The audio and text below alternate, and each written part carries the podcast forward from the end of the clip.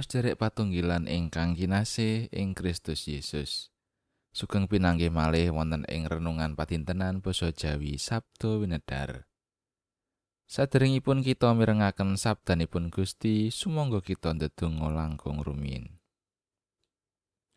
Gusti Allah Rama kawula kaswargan. Kawula sowan ing ngarsa paduka ing wekdal menika ngaturaken pamatur nuwun awit berkah paduka ing gesang kawula.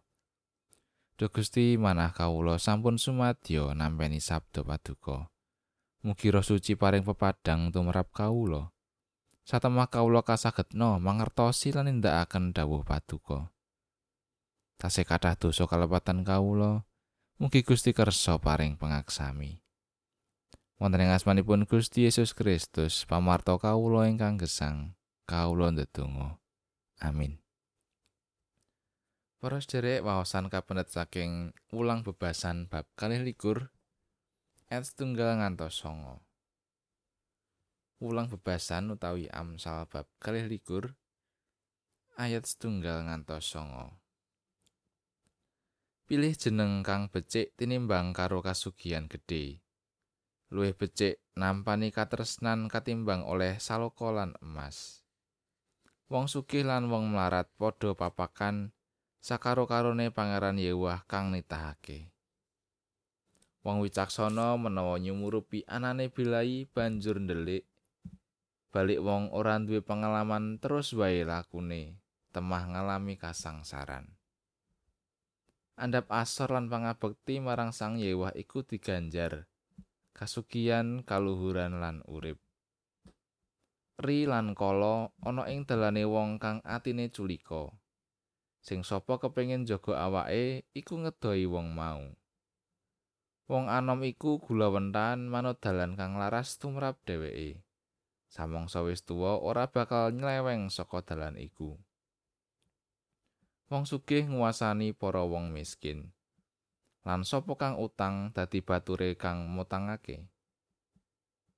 Wong kang nyebar kaculikan bakal ngeneni pakewuh. Temah giti ing nepsune bakal lebur. Wong berbudi iku bakal binerkahan. Awit wong melarat padha dipandumi rezekine. Mekaten pangandikanipun Gusti.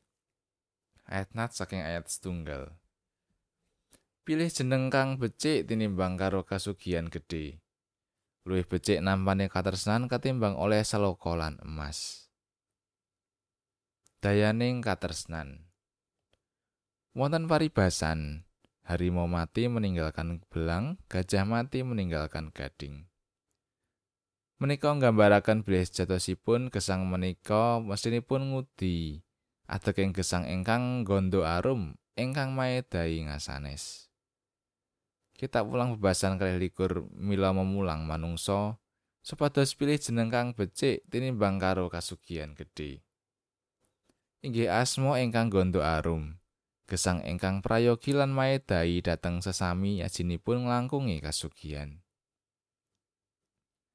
Nalika wonten sederek ingkang madosi alamat dalemipun kanca ing dusun lan nyun pirsa dhateng penduduk dusun ngriku, sederek wau nampi wangsulan. Oh, dalemipun wonten ngrika. Taksih sawetawis kalih kilo malih. Sederek wau sajak nggumun lan ngudur raos. Lah kok pirsa nggih bapak wau? Tasih tebih kok nggih tepang. Sinareng dumugi alamat nembe tanggap. Jebule kancaku iku wong kang lomo lan tansah olah katesnan marang sapa wae. Suko aweh pitulungan.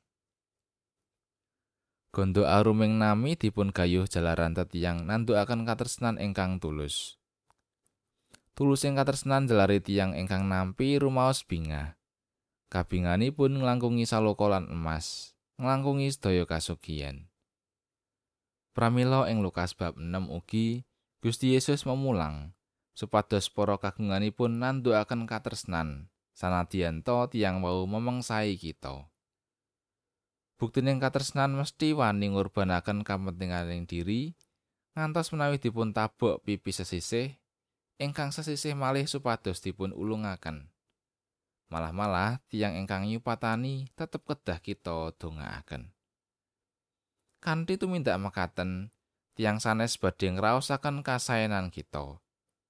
adek kita badhe dipun titeni dening tiang kathah ibata becike wong iku tumindak ing kaloman lan katresnan ingkang tulus mesti ndatengaken kabingahan tiang sanes amin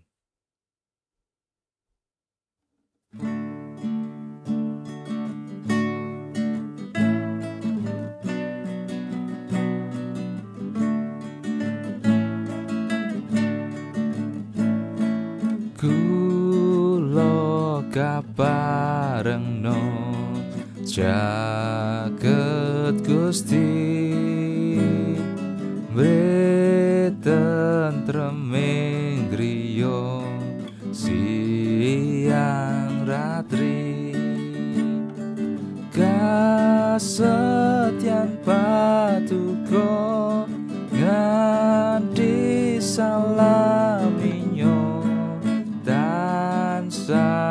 Ambabarno